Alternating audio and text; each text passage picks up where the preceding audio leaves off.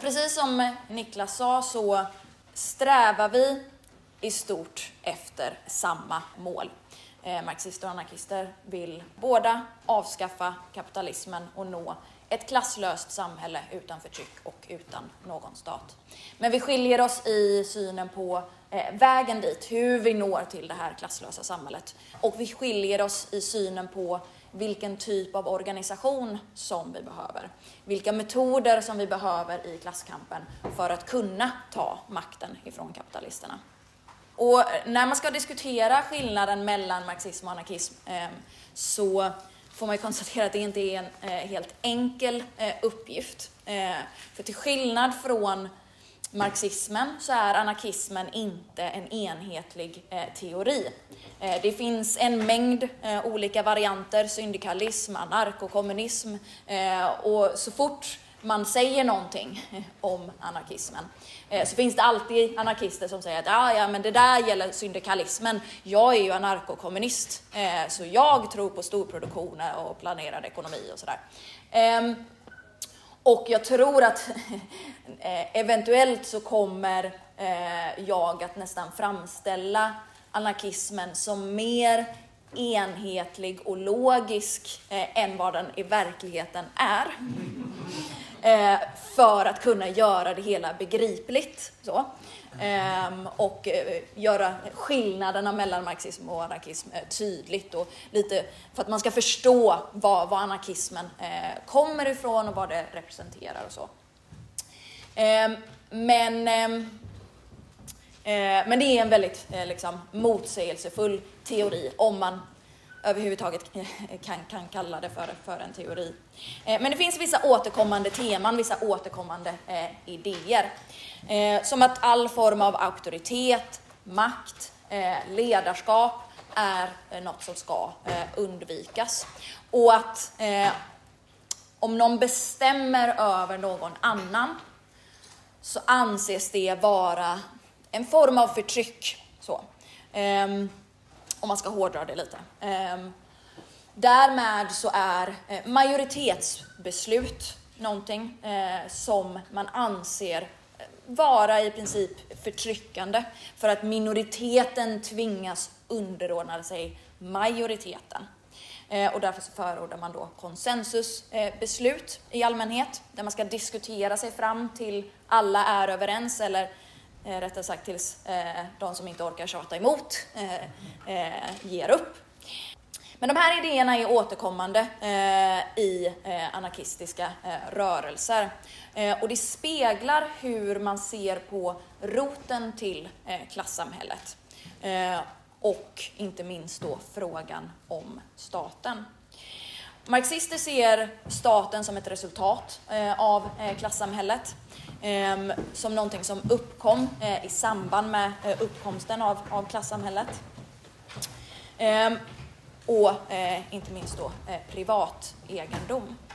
Ehm, där det uppstod ett behov av en makt som till synes verkade eh, självständig, som till synes verkade eh, stå över klasserna.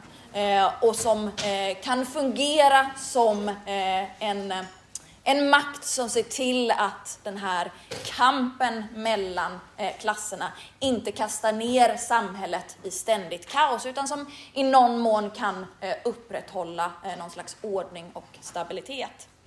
Men som i verkligheten inte står över klasserna utan som tjänar den härskande klassen. Eh, och skyddar deras eh, privilegier och makt, skyddar deras eh, egendom från de eh, förtryckta och utsugna. Utan någon uppdelning i klasser, utan privat egendom, så finns det inget behov av en våldsmakt, eh, av en eh, stat, av vad Engels kallade särskilda förband av väpnade män. Eh, och det är klart att vi marxister, vi romantiserar inte eh, perioden innan eh, klassamhällets uppkomst. Ehm, det var samhällen som präglades av brist, av sjukdomar, av ständiga faror. Ehm, där det naturligtvis fanns våld och konflikter. Konflikter mellan stammar över olika territorium till exempel. Ehm, men det fanns inget behov av särskilda väpnade grupper som kunde användas mot den egna befolkningen som skilde sig från eh, befolkningen. Och det var just skillnaden med klassamhällets uppkomst. Att det uppstod ett behov av en särskilt väpnad grupp som kunde användas inte bara mot eh, andra stammar när man gick ut i krig, utan lika mycket mot den egna eh, befolkningen. Det framstår, eh, det uppkommer en apparat som skiljer sig eh, från, från samhället. Ehm, och det här är någonting som vi marxister kan belägga eh, vetenskapligt, som vi kan bekräfta med modern arkeologisk forskning. Det är ingen abstrakt teori om hur vi skulle vilja att den historiska utvecklingen såg ut. Men för många anarkister då så är det ju precis tvärtom. Där man anser att staten, den politiska makten, eh, kommer eh, först. Eh, man ser det som att det uppstår en, en våldsmakt som tvingar resten av befolkningen att arbeta åt dem. Eh, och det viktiga är egentligen inte kronologin, så, vad uppstod först? utan Eh, tvärtom så är det inte eh, till en början helt eh, avskilt, staten och liksom den härskande klassen. Så. Men på grund av att anarkister inte kopplar uppkomsten av staten till uppkomsten av klassamhället och till privat egendom, så har de inget sätt att förklara hur det kommer sig att en minoritet kunde underkuva en majoritet med våld. Och därmed så får man nästan anta att de helt enkelt bara var lite smartare och lyckades lura eh, resten av eh, befolkningen. Eh, för anarkismen så är det staten som är det primära, det grundläggande, som i någon mån bär upp klassamhället. Snarare än då, som vi marxister ser det, att staten idag under kapitalismen är ett verktyg för borgarklassen att upprätthålla kapitalismen och skydda deras klassintressen. Enligt anarkister så är därmed staten eh, det viktigaste att omintetgöra. Staten måste krossas, den får inte ersättas av en arbetarstat när arbetarklassen tagit makten. Att ha en stat efter kapitalismens avskaffande kommer att eh, bevara eller på nytt skapa eh, förtryck. Ehm, och nu sa jag när arbetarklassen tar makten. Men för anarkister så är det inte alls självklart att det är arbetarklassen som ska leda en revolution eh, och bygga eh, det nya socialistiska samhället. Eh, utan snarare så har man eh, en eh, lite mer abstrakt idé om eh, folket. Ehm, de tidiga anarkisterna såg generellt sett till eh, bönder eh, eller till eh, trasproletariatet eh, som eh, Bakunin, eh, alltså eh, utslagna, eh, kriminella och sådär. Eh, Bakunin hade faktiskt en direkt fientlig inställning till arbetarklassen. I Stat anarki från 1873 så säger han att ett samhälle baserat på arbetarmakt måste innebära förtryck mot resten av folket. Han säger så här, låt oss ställa frågan om proletariatet ska bli den härskande klassen, över vilka ska de då härska?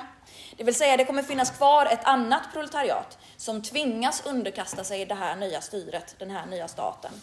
Till exempel eh, bondepacket Eh, som vi vet att marxisterna inte har någon eh, särskild sympati för, som anser dem representera en lägre kulturell nivå. De här kommer troligtvis städernas fabriksproletariat att härska över. Eh, och samma idé upprepar Bakunin eh, många gånger. Eh, här i ett brev från 1872 där han vänder sig mot idén att arbetarklassen ens skulle vara en klass. Eh, han säger, vet ni vad det här innebär? Och då riktar han sig till marxisterna. Då. Eh, det är varken mer eller mindre än fabriksarbetarnas och städernas aristokratiska styre över miljonerna som tillhör landsbygdens proletariat. Och nu är det ju inte det som är innebörden av att arbetarklassen eh, tar makten. De som arbetarklassen eh, kommer att förtrycka eller snarare undertrycka, som vi diskuterade igår på, eh, på Staten och revolutionen, eh, efter att arbetarna tagit makten, är den före detta härskande klassen.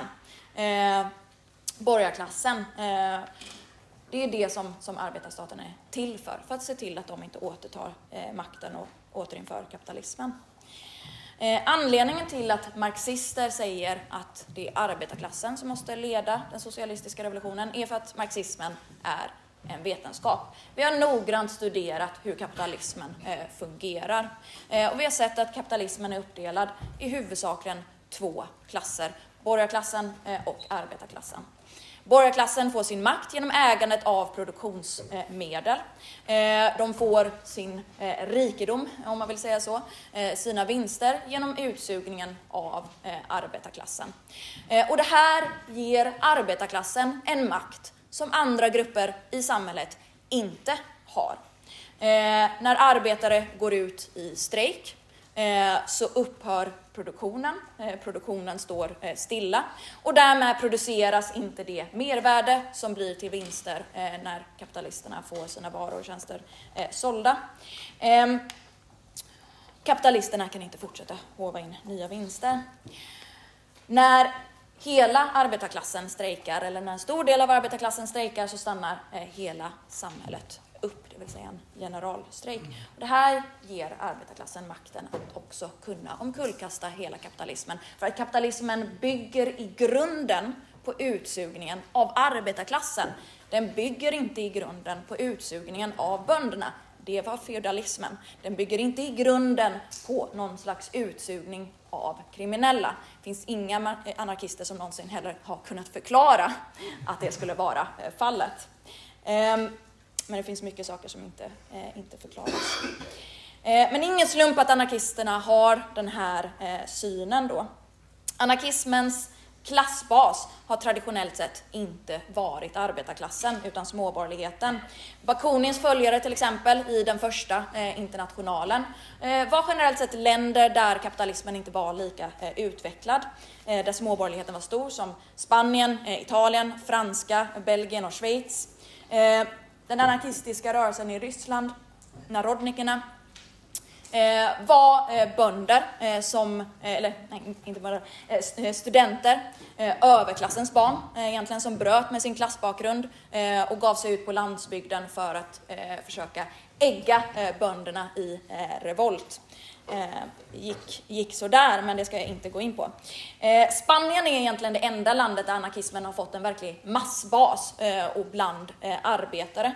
Men tyvärr då med, med oerhört negativa eh, konsekvenser som jag kommer att återkomma till eh, i slutet. Eh, men det speglar också hur anarkister ser på kapitalismens framväxt. För marxismen så var kapitalismen ett eh, oerhört progressivt steg i mänsklighetens utveckling genom den eh, eh, oerhörda utvecklingen av produktivkrafterna som har lagt grunden för ett klasslöst samhälle. Eh, det överflöd som har skapats eh, av kapitalismen gör att vi idag kan utrota alla mänsklighetens problem. Fattigdom, svält, misär, eh, konkurrensen om eh, bristande resurser om vi tar makten ifrån kapitalisterna, inför en planerad ekonomi styrd av arbetarklassens demokratiska kontroll. Marxister baserar sig på klasskampen och kämpar för att nå det framtida samhället. Men om man studerar anarkismens eh, idéer då, eh, så ser man att de återspeglar snarare eh, de småborgerliga skikt som utgjorde majoriteten under feudalismen och under övergången till eh, kapitalismen, deras skikt att gå tillbaka till en period innan kapitalismens storproduktion slog sönder eh, småskalig eh, eh produktion och eh, självförsörjande jordbruk. Eh, och det här är, eh, de, de småborgerliga skikten är skikt som eh, har eh, bevarats eh, under eh, kapitalismen, har ändrats på många sätt men har bevarats. Eh, men som ständigt hotas att slås ut av kapitalismens, storkapitalets konkurrens. och som hotas att pressas ner in i arbetarklassen. Då.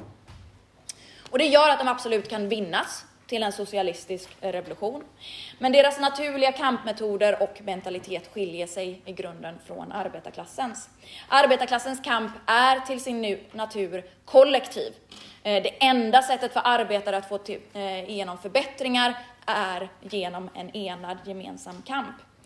Småborgerlighetens småföretagare och bönder däremot är eh, till sin natur eh, eh, eh, individualistisk.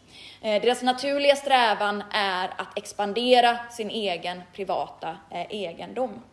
Det krävs därför mer för att de ska skaka av sig illusionerna i eh, kapitalismen och vinnas till socialismens sak. Och detsamma gäller de övre lagren inom eh, medelklassen som eh, kanske inte har då sina egna företag eller äger sin egen jord, som tjänstemän mellanchefer av olika slag och sådär. Eh, som eh, mer naturligt tenderar att eh, sträva efter en karriär för att nå, eh, nå en position in i arbetar, eh, borgarklassen. Men i takt då med att kapitalismen har utvecklats så är det såklart att det har också påverkat eh, anarkisters syn på eh, klasskampen och kampen mot kapitalismen. Eh, när arbetarklassen har stärkts Eh, och det har eh, blivit eh, mer och mer tydligt eh, för alla som är eh, vänster så att eh, det är arbetarklassen som spelar den ledande rollen eh, i, eh, i all klasskamp. Eh, så gör det att idag så finns det naturligtvis många anarkister som skulle hålla med om att det är huvudsakligen arbetare som, som ska spela den, eh, den ledande rollen, eller så här, den viktigaste gruppen i samhället och som kanske i någon mån också har idén om att de försökte, försöker i första hand rikta sig till arbetarklassen. Men samtidigt så är det så att när anarkister beskriver exempel på hur anarkistiska samhällen ska se ut, så är det väldigt sällan, eh, om eh, någonsin, som man beskriver en planerad ekonomi byggd på storproduktion. Utan det är snarare små, självstyrande, autonoma kommuner, ofta då med självförsörjande jordbruk. Eh, många anarkister idag eh, lyfter gärna fram eh, kurdernas självstyre i eh, Syrien, eller zapatisterna i eh, Mexiko. Um, och eh, det är tydligt att vad, vad man ofta liksom på något sätt um, ser framför sig är någon slags version av tidigare klassamhällen, men som aldrig riktigt har existerat och som inte heller kan existera. Alltså någon slags form av feodalism, men utan adel, kungar och kyrka. Eller kanske eh, den här övergångsperioden från urkommunism till klassamhälle, men samhällen som då måste stå stilla och inte utvecklas vidare. Eh, men marxismen eh, vill därmed gå framåt, anarkismen i någon mån vill gå bakåt. Och i den mån så är det inte helt sant att anarkister och marxister faktiskt har samma slutmål. Ehm, men det är genomgående den här idén eh, i anarkismen att endast små kommuner kan vara verkligt eh, demokratiska. Eh, för om man till exempel i en kommun skulle välja representanter till regional nivå, eller till nationell nivå, eller till internationell nivå, då händer någonting väldigt, väldigt farligt. Eh, då avlägsnar man dem från det här liksom, nära familjära och det innebär eh, automatisk korruption då av de här representanterna.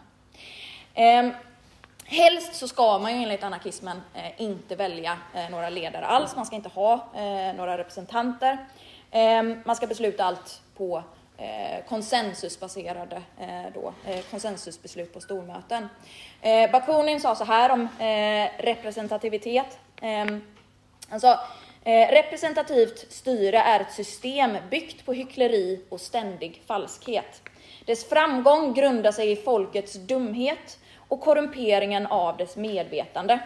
Eh, och i samma text så säger han, om en regering skulle väljas imorgon genom allmän rösträtt som uteslutande bestod av arbetare, skulle de här arbetarna, som idag är de mest hängivna demokraterna och socialisterna, imorgon bli de mest beslutsamma aristokraterna och öppet eller i hemlighet dyrka auktoriteten, utsugarnas och förtryckarnas princip. SAC, eh, syndikalisternas fackförening här i Sverige, Eh, de förklarar samma poäng i eh, deras principförklaring från 2006. Eh, ledarskap, säger de, är även i mindre utpräglad form skadligt eftersom de ledda frivilligt avstår från att ta ansvar. medan ledarna blir allt mer professionella och därmed fjärmas från folket. Därför så bör då, enligt anarkister, i allmänhet all form av representativ demokrati eh, undvikas. Ehm, och eh, helst undvika att, att, välja ledare. För det gäller ju att undvika allt som, som liknar eh, en stat, en uppdelning mellan de som styr och de som blir styrda. Staten är ju grunden till allt förtryck. Eh, men i praktiken så är anarkister aldrig så här eh, konsekventa. Ehm, representativt styre på, på lokal nivå till exempel anses vara mer acceptabelt och då anser man att det finns mindre risk att ledarna korrumperas.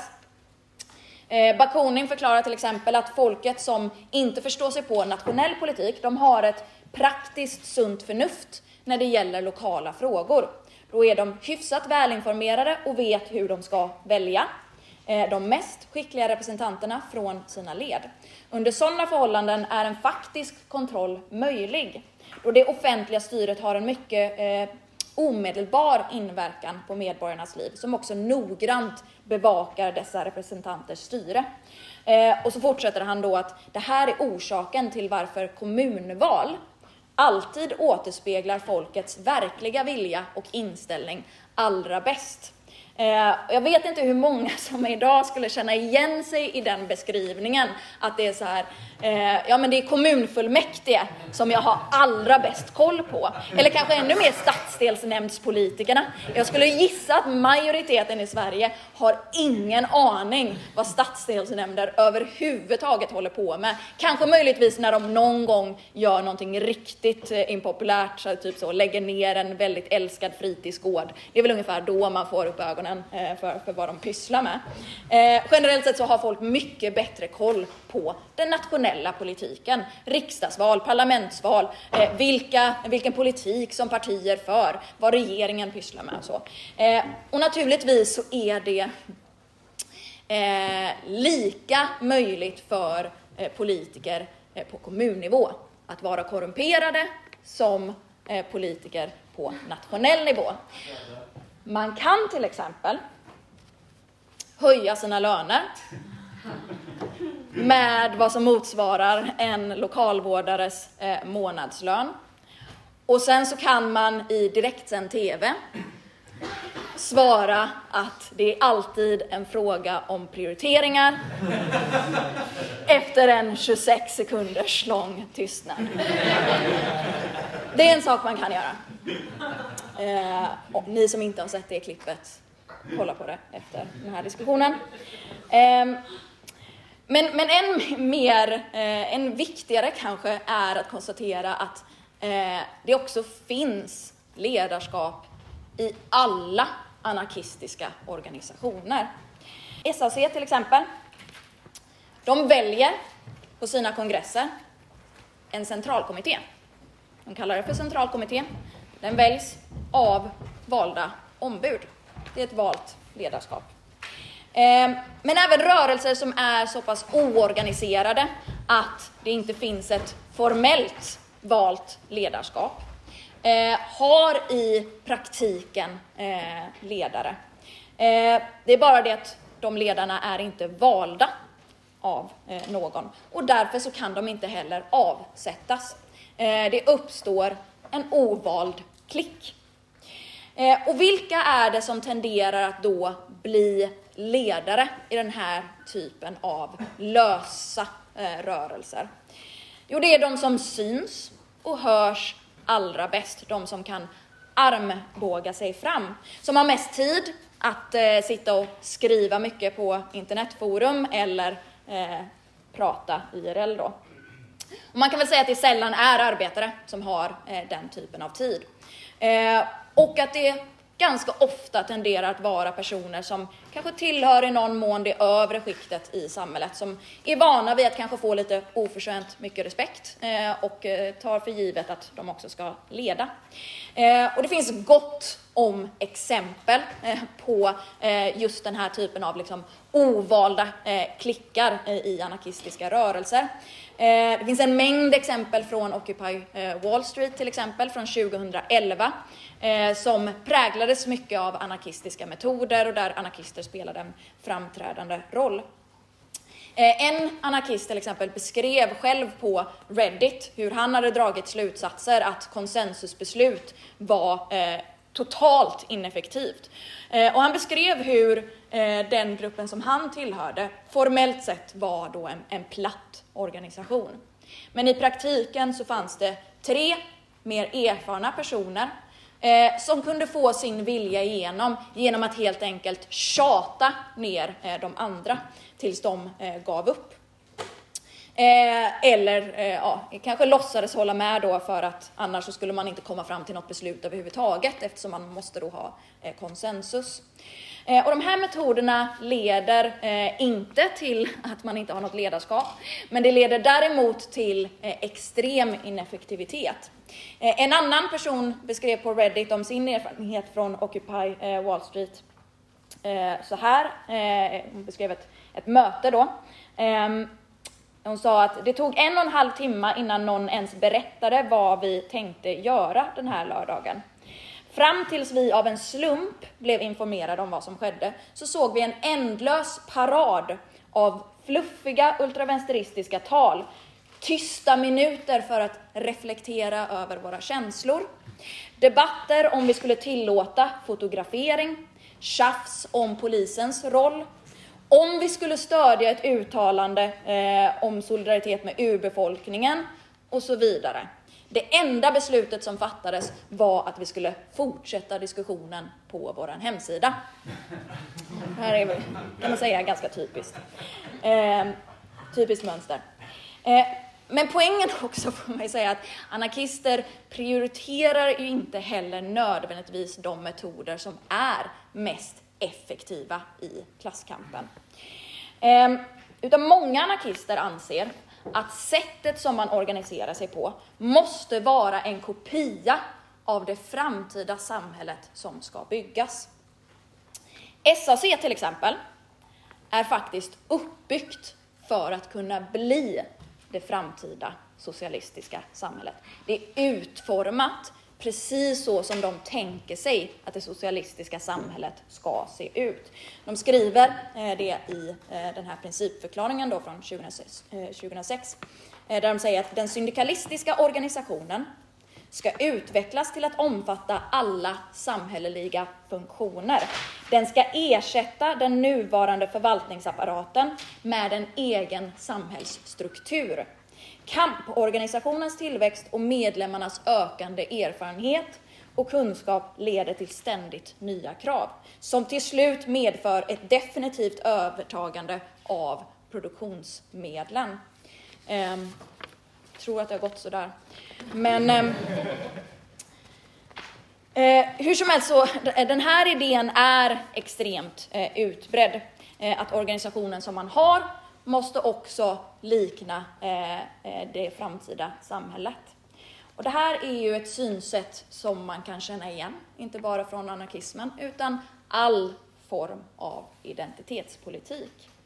Att organisationen snarare är arenan för kampen mot förtryck än verktyget i kampen. Eh, och det är från det synsättet att organisationen är där man utkämpar kampen. Som vi får det här som vi ser inom identitetspolitiska rörelser. En häxjakt på alla som anses vara problematiska på något sätt. Folk ska hängas ut som transfober, sexister eh, och, eller bara så allmänt problematiska på något sätt. Eh, just för att organisationen är arenan, inte verktyget. Eh, och den här illusionen då att man eh, på något sätt skulle kunna skapa en isolerad ö eh, från, eh, från eh, där, eh, där kapitalismens förtryck eh, och eh, utsugning eh, kan avskaffas. Det är någonting som vi ser i, i både identitetspolitiken och anarkismen och sen så får man ju också säga att de går in i varandra i princip alla eller anarkistiska organisationer eh, domineras av eh, identitetspolitik. Eller många, många av dem i varje fall. men det är ju eh, just målet någonstans för, eh, för anarkister och det är någonting som har präglat eh, hela deras verksamhet, att på något sätt skapa eh, små isolerade öar av socialism här och nu. Man ockuperar en byggnad och startar ett kooperativ och så är det någonstans det anarkistiska samhället i miniatyr. Man försöker bygga upp någon slags isolerad eh, kommun. Man startar ett kooperativ eller så. Eh, och på det sättet så liknar ehm, anarkismen vänsterreformismen som eh, också hävdar att man kan på något sätt skapa eh, delar av samhället som kan vara socialistiskt under kapitalismen. Eh, många vänsterreformister eh, anser, eh, ganska säker på att det till exempel står inskrivet i Ung Vänsters och Vänsterpartiets principprogram, att all eh, statlig eh, egendom, hela den offentliga sektorn, eh, är socialistisk. Den är, eh, om jag minns formuleringen rätt, undandragen kapitalistisk logik. Eh, välfärden är, är socialistisk. Jag vet inte hur många eh, så undersköterskor och eh, förskollärare som skulle hålla med om det. Eh, jag är själv utbildad undersköterska så jag skulle säga att jag personligen inte håller med om det. Men eh, men eh, skillnaden kan man väl säga är att anarkismen har någon slags eh, reformism underifrån. Medan eh, eh, eh, vänster, de klassiska vänsterreformisterna eh, tänker sig att man ska liksom reformera eh, kapitalismen ovanifrån från st med staten som verktyg. Så tänker sig anarkisterna någon slags gradvis eh, liksom reformering av kapitalismen fast, fast underifrån då med isolerade öar som gradvis tar över samhället. Det får man ju säga också när man lyssnar Eh, på, på, eller när man läser det här citatet av, av SAC, det finns ju ingenstans där det beskrivs en revolution. Eh, inget uppror, inget sådär definitivt ta makten ifrån kapitalisterna, utan liknar ju mycket mer idén om löntagarfonder eh, från Socialdemokraterna. En gradvis övergång eh, till kapitalismen som då borgarklassen inte ska märka av. Så gradvis tar SAC över alla företag. Borgarklassen ser det inte hända. Ehm, men eh, det här är, eh, den här idén i varje fall är eh, helt eh, omöjlig.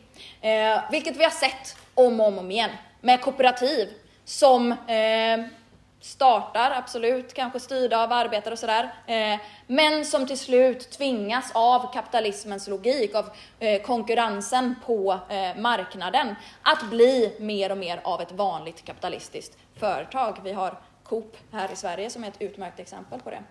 Ehm, att eh, tro att man bara kan liksom eh, skapa små eh, kommuner lite här och var runt om i världen och att de skulle kunna liksom lämnas i fred eh, och bygga upp något slags socialistiskt paradis och sen så ska det kopieras gradvis, steg efter steg runt om hela världen.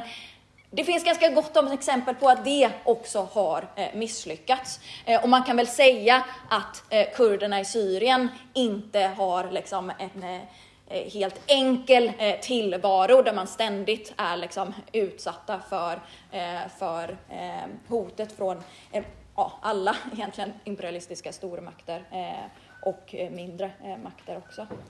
Ehm, och det här är också någonting som vi som trotskister alltid har förklarat eh, vad gäller länder. Eh, med Sovjetunionen, öststaterna, Kina och så vidare. Att man kan inte skapa ett socialistiskt land inom eh, kapitalismens eh, ramar. Socialism kan inte fungera eh, isolerat. Utan antingen så sprids revolutionen eh, eller så kommer den urarta till en byråkratisk regim som förr eller senare återinför kapitalismen. Organisationer kan inte heller vara perfekta kopior av det framtida klasslösa samhället. Eh, de byggs tyvärr utav människor som inte är skickade tillbaka från framtiden utan av människor präglade av det här samhället som tyvärr inte kan omkullkasta alla, liksom, göra sig av med alla de eh, men som, som vi vuxit upp med. Eh, men det här är ju liksom eh, den här idén om att eh, organisationen på något sätt måste vara eh, konstant. Att en organisation egentligen eh, inte kan genomgå en förändring. Eh, det ser vi väldigt tydligt inom eh, identitetspolitik. Eh, där man har en, någon slags syn om att eh, till exempel en organisation som eh, till majoritet består av vita heterosexuella män. En sån organisation kommer aldrig kunna nå ut till eh, svarta, eh, kvinnor, Eh, är det en organisation som eh, till majoriteten från början består av studenter, då kommer den aldrig kunna nå ut till eh, arbetare. Man måste liksom redan från grunden vara eh, en perfekt representation av liksom hela arbetarklassen, alla eh, världens eh, fattiga och så vidare, alla världens förtryckta. Ehm, och det visar hur både eh, identitetspolitiken och eh, anarkismen, som har en väldigt liknande syn, eh, inte förstår sig på utvecklingen av klasskamp. I den mån får man ju säga att identitetspolitiska personer eh, baserar sig på idén om klasskamp och vill avskaffa kapitalismen, för det finns gott om liberaler inom identitetspolitiken. Eh, ehm, men poängen är den att i vanliga eh, perioder, när det inte råder någon klasskamp, så är majoriteten av arbetarklassen passiv. Eh, typiskt sett, eh, i de flesta länder, så är det en minoritet av arbetare som är fackligt anslutna. Eh, I, I, Sverige så är det en majoritet av Eh, arbetskraften som är fackligt ansluten, även om det har eh, sjunkit under de senaste eh, årtiondena stadigt. Men det är en minoritet som är faktiskt aktiva i fackföreningsrörelsen. Och det är en ytterst liten minoritet som är politiskt aktiva. Och det är klart att det är ännu mindre idag på grund av högervridningen av arbetarrörelsen. Men det var en minoritet även under efterkrigstiden och i början av 1900-talet. Och de som tenderar att vara aktiva tenderar inte vara de mest förtryckta lagren av eh, arbetarklassen. Och majoriteten av arbetare eh, i eh, vanliga eh, perioder då, när det inte är, eh, råder klasskamp eller eh, revolutioner, radikalisering, ehm, accepterar inte heller, eh, eller håller, eh, har inte kommit ännu till slutsatsen om att kapitalismen eh, behöver avskaffas.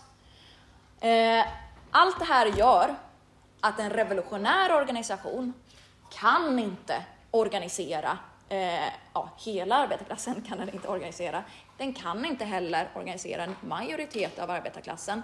Den kan bara organisera en ytterst, ytterst liten del av, eh, av arbetarklassen. Eh, beroende också på, eh, på förhållandena, vilken organisation det är och sådär. Ehm, I, eh, när det gäller små revolutionära organisationer, eh, när man börjar bygga upp en revolutionär organisation, eh, så tenderar man att först Eh, bygga bland studenter och ungdomar. De som har eh, mest tid att kunna eh, engagera sig eh, och som är de som vi också diskuterade igår de som radikaliseras först och drar de mest långtgående slutsatserna först. Allt det här förändras under perioder av klasskamp och revolutioner. Då dras bredare lager av arbetare in i kampen och politiseras. Eh, och arbetare som är eh, förtryckta, det vill säga eh, förtryckta som någonting mer än bara som arbetare, de som hållits tillbaka allra mest i vanliga perioder, slängs fram i den här revolutionära eh, kampen och tenderar att ofta bli de mest eh, radikala och eh, ofta väldigt självsäkra ledare för rörelsen, vilket är precis det som vi ser just nu i, i Iran. Ehm, och en organisation med rätt metoder och rätt idéer kan då eh, växa snabbt och nå ut till eh, arbetare och eh, förtryckta. men vad arbetare och förtryckta söker då i en organisation Eh, är just eh, en organisation som visar att man kan eh, kämpa för ett annat samhälle. Visar att man har idéerna och metoderna för att förändra samhället. De kommer inte att sitta och studera hudfärg, kön, sexualitet på alla aktivister i en organisation innan man går med. Men allt det här gör att det finns en uppenbar eh, skillnad. Eftersom hela arbetarklassen, eh, alla förtryckta, alla världens fattiga, inte befinner sig i ett ständigt permanent tillstånd eh, av revolution. Eftersom arbetarklassen inte är homogen, olika lager dras in i klasskampen vid olika eh, tillfällen. Olika lager drar olika långtgående slutsatser. Eh, på grund av det här så säger det sig självt att i alla organisationer så kommer det finnas en skillnad mellan de som har varit med längre och de som har varit med kortare. De som är mer erfarna och de som har mindre erfarenhet. Eh, på grund av de objektiva förhållandena som råder under kapitalismen så kommer det finnas de som kan utvecklas snabbare eh, och de som utvecklas lite långsammare. De som har mer självförtroende och de som behöver bygga upp det. Eh, det kommer finnas personer med olika förmågor eftersom vi alla inte är kopior av varandra, kloner. Vi är olika människor. Eh, wow, mind-blowing. Eh, och därmed så kommer det överallt att finnas mer ledande och mindre ledande. Vilket naturligtvis kan förändras. Det är inte alltid så att i alla revolutionära organisationer så är det de som har varit med längst som är mest ledande. Eh, särskilt i revolutionära perioder så tenderar de som kommer in i rörelsen att dra eh, slutsatser och lära sig väldigt, väldigt mycket snabbare och därmed också kunna eh, bli ledande mycket snabbare. Och många som har varit med länge i rörelsen kan tenderas att tröttas ut eh, och eh, förlora gnistan och förmågan att eh, vara ledande i, i eh, en eh, ny politisk situation. Eh, man kan inte nödvändigtvis spela samma roll som tidigare. Ehm, men det kommer alltid finnas mer och mindre ledande, så länge vi lever under kapitalismen. Eh, och att förneka det, det är att förneka den verklighet som arbetare och unga lever i. Att tro till exempel att en organisation som bygger i ett land som Pakistan eller Iran innan den nuvarande revolutionära rörelsen skulle kunna bestå till 50 procent av kvinnor och flickor eh, är ärligt talat ren idioti. Jag skulle gå ännu längre och säga att det faktiskt är ett rent hån eh, mot de objektiva hinder som finns för kvinnor och flickor eh, i, i de här länderna. Eh, men det finns två sätt att bemöta de här problemen. Eh, att olika delar av arbetarklassen har olika förutsättningar. Eh, och att vissa är mer ledande än andra. Eh, antingen så kan man ju då stänga dörren Eh, man kan säga, nu har vi uppnått vår eh, absoluta kvot på män i organisationen. Eh, då får vi inte ta in en till man förrän vi också har tagit in en till kvinna. Man skulle kunna göra detsamma vad gäller ledningen då, att se till att så här, man måste ha man får, inte, man får minska mängden personer som sitter i en ledning för att kunna ha exakt 50 procent Eh, män, 50 eh, kvinnor. Eller så får man helt enkelt då tvinga eh, tjejer att bli eh, ledande i en organisation, vare sig man känner sig redo för det eller inte. Ja, du har precis gått med, varsågod, nu är det du som ska inleda här. Mm. och leda hela organisationen. Ehm, man kan hålla nere den politiska nivån så att alla känner det som att man är på eh, samma eh, nivå. Ehm, de som eh, har läst mer kan låtsas om som att de inte har läst mer. Eh, de kan hålla det för sig själva. Eh, man kanske kan rotera ledningen då som eh, SAC gör. De har eh, en princip eh, jag pratar om att de väljer sitt ledarskap. Men de har en princip, för de är uppenbart lite oroliga för att det här ska leda till byråkrati då. Så de säger att generellt sett så ska man inte sitta mer än två kongressperioder. Sen så har, det här är ingen strikt regel. För de har upptäckt en viss grej då att eh, det kan vara lite problem med kontinuitet. om man aldrig kan liksom ha kvar samma personer på, på ledande eh, poster i mer än, ja, jag vet inte hur, många, eh, hur långa kongressperioder de har, men i några år. Det vill säga egentligen vad man har då är att man leker ledare i två år, eller vad det nu är, och sen så Eh, får man eh, avgå. Eh, och det finns egentligen inga förutsättningar för att verkligen utvecklas. Det andra man kan göra, den andra metoden att bemöta det här problemet, är att acceptera verkligheten som den faktiskt är. Ehm, och sen sträva efter att förändra den då. Men att sen i organisationen sträva efter att alla som går med ska bli ledare. Istället för att sänka nivån, höja allas politiska nivån. Eh, sträva efter att hjälpa alla att utvecklas så mycket eh, som möjligt och sträva efter att nå så breda lager som bara är möjligt. Eh, så bygger vi vår organisation. För att vi ser inte organisationen som målet i sig, utan som verktyget för att förändra samhället.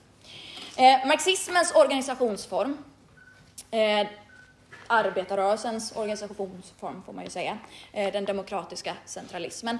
Det återspeglar egentligen bara det, det sätt som arbetarklassen naturligt organiserar sig. Eh, majoritetsbeslut eh, eh, och eh, valda eh, ledare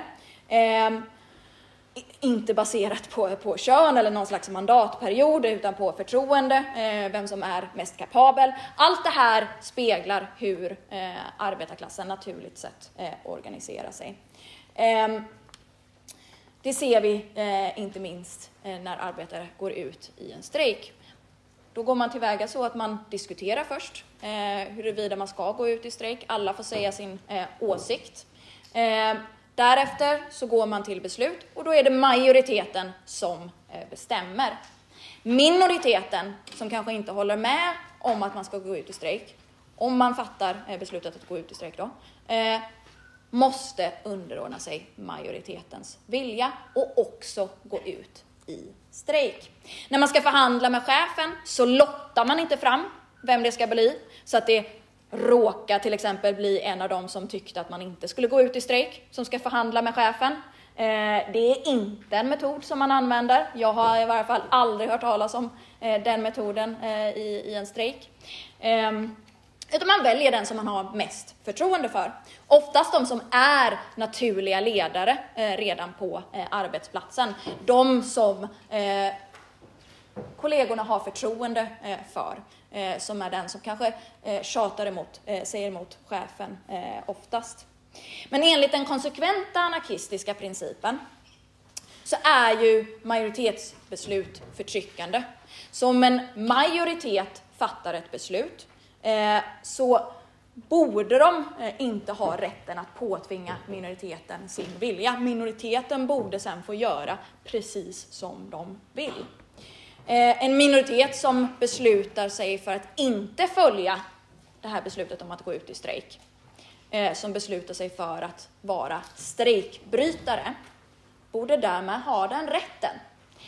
Anarkismens principer, om man tar dem konsekvent, blir därmed i slutändan ett försvar av strejkbrytarens rätt att bryta en strejk, minoritetens rätt att sabotera för majoriteten.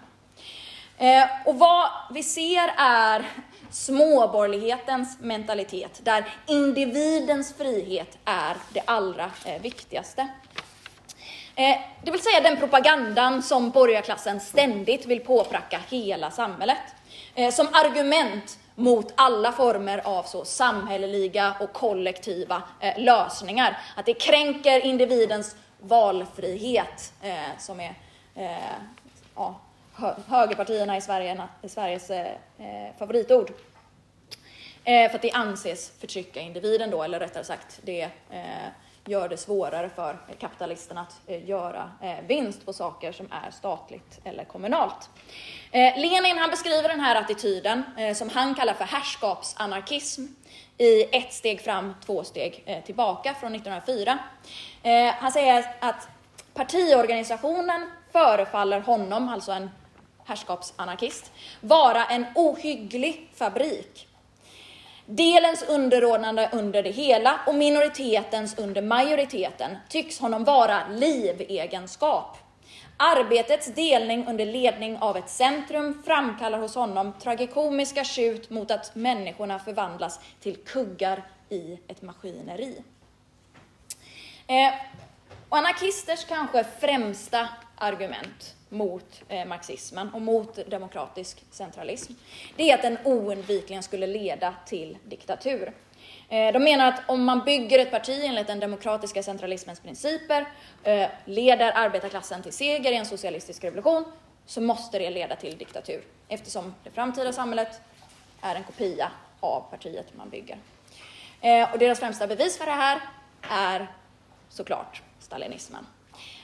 SAC, de skriver till exempel så här.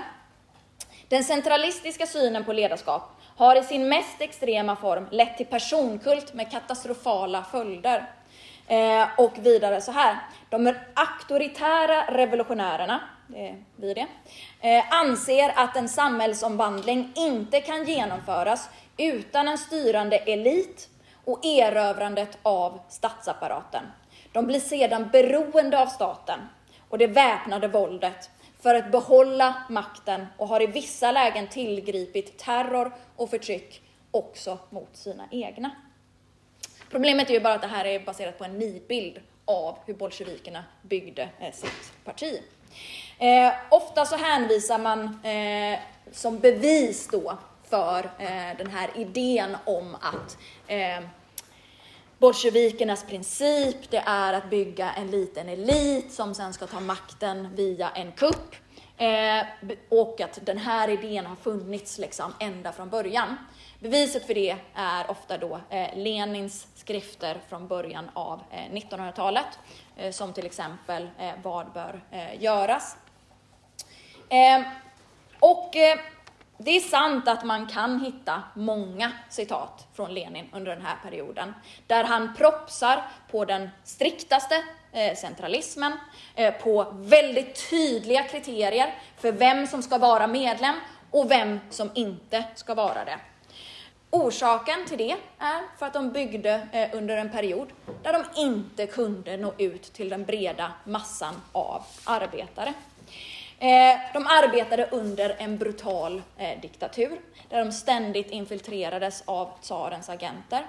Eh, och de hade ett lager av rika sympatisörer som gärna bidrog till den ryska, socialdemokra ryska socialdemokraternas rörelse, men som naturligtvis inte var marxister Eh, som inte eh, fullt ut höll med om, om idéerna, som gärna kunde skänka lite pengar men som inte egentligen ville vara med och, och bygga den. Eh, och Lenin poängterade att det var viktigt att avgränsa vem är medlem och vem som inte är det.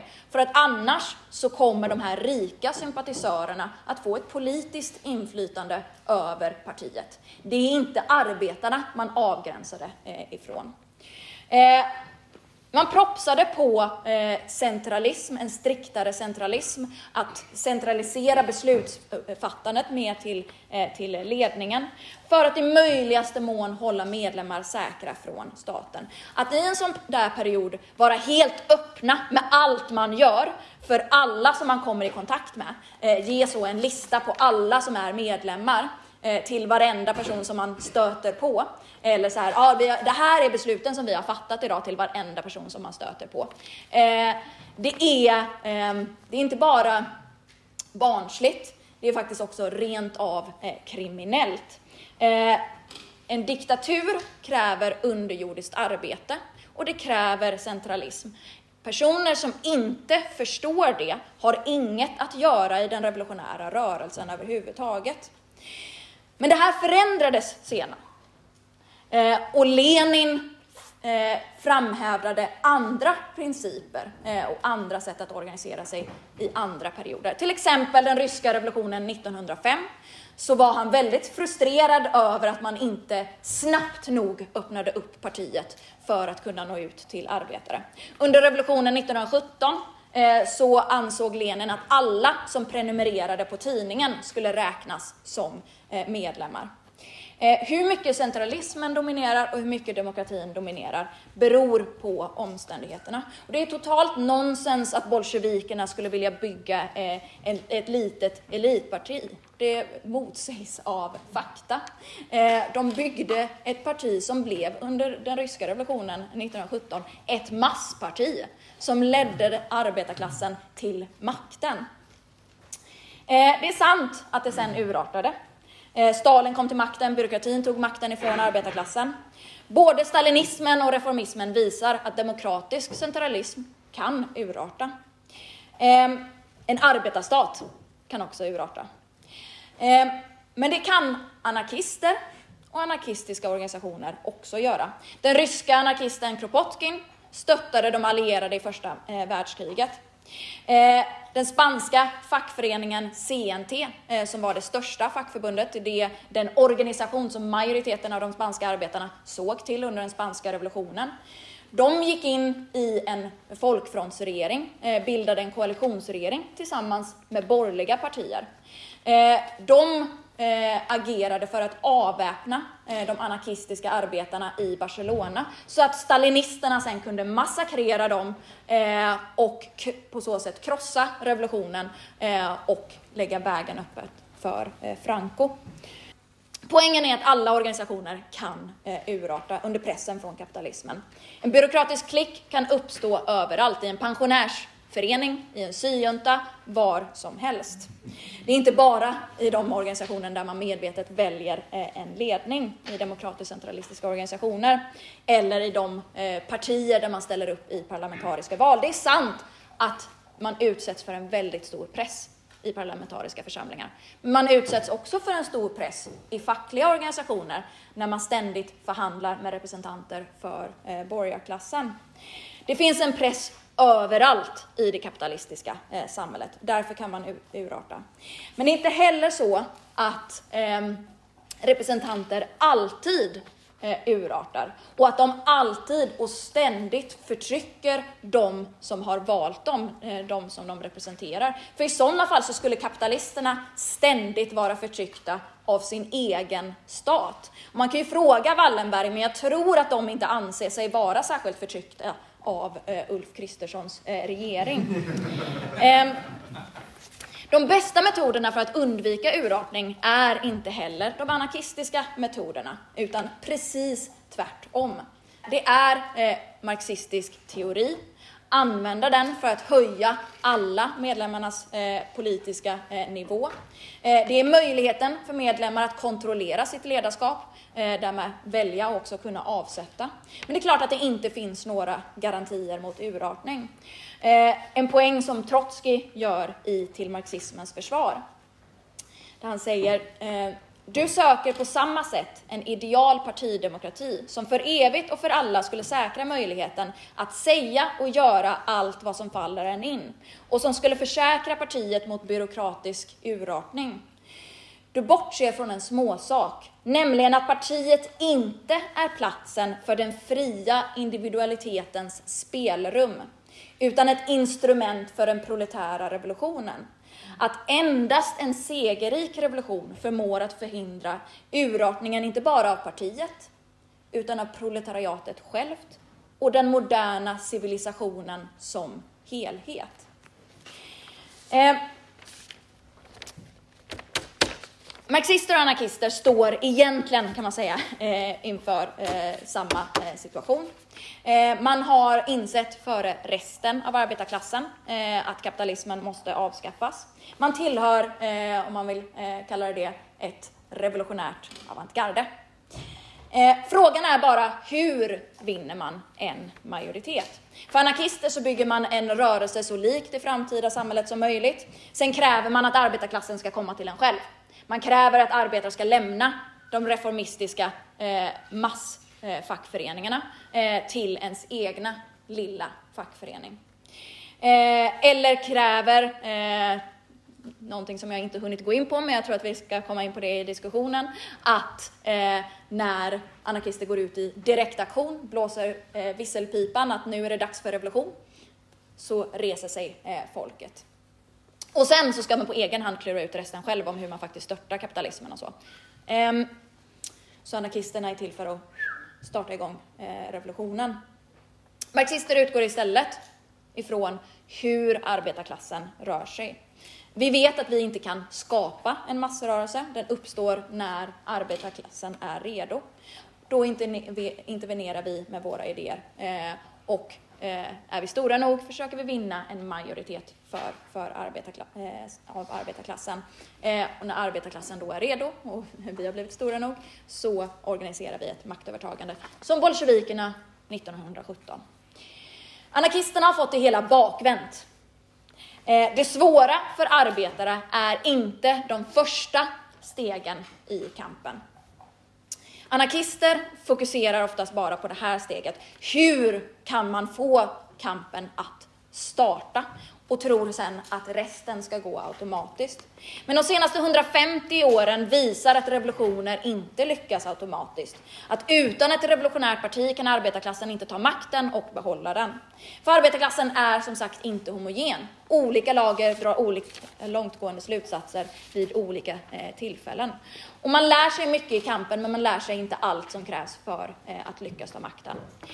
När anarkismen vänder sig mot ledning, parti, stat, centralisering, så vänder de sig bara mot allt det som arbetarklassen behöver för att lyckas. De romantiserar de tidiga stadierna eh, av kampen, när den just ofta är decentraliserad, splittrad, spontan, och vill hålla kvar den i det tillståndet. Eh, och hoppas att kapitalismen bara ska falla eh, av sig självt. Men den gör ju inte det vilket den spanska revolutionen visar så tragiskt. Där arbetarna i Barcelona 1936 reste sig efter Francos fascistiska uppror, tog över fabrikerna. Den katalanska regeringen erbjöd anarkisterna makten, eh, men de nekade eftersom de var emot all statlig makt. De lät Companis regering sitta kvar, de lät borgarklassen fortsätta att äga fabrikerna och eh, bankerna. Passivitet och icke-agerande är vad anarkismen eh, landar i.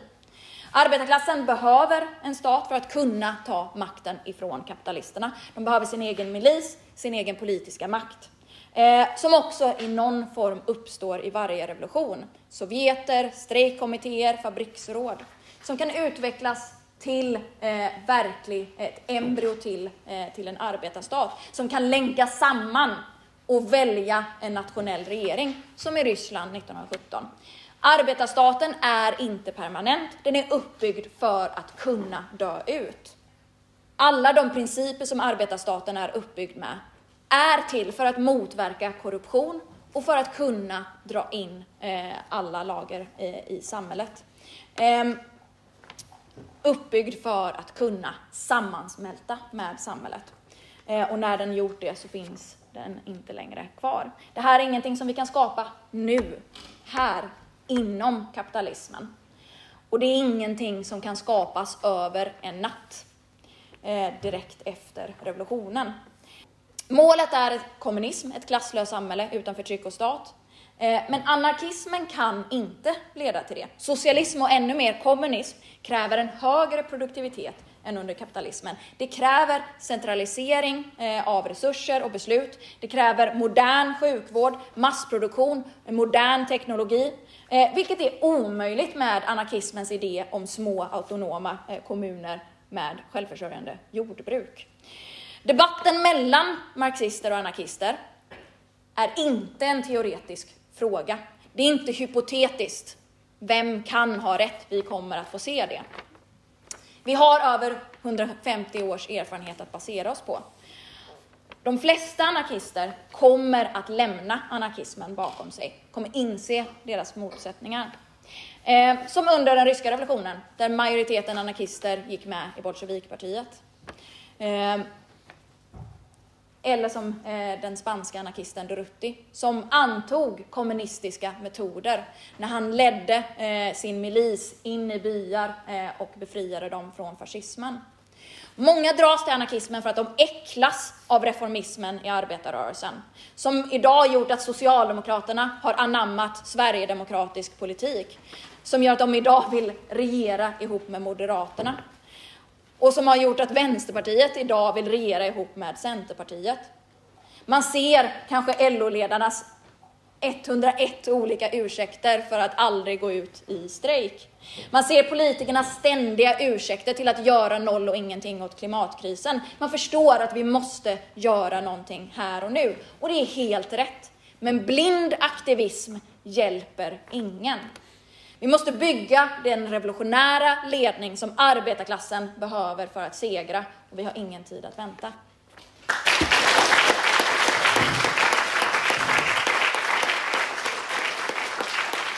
Mm.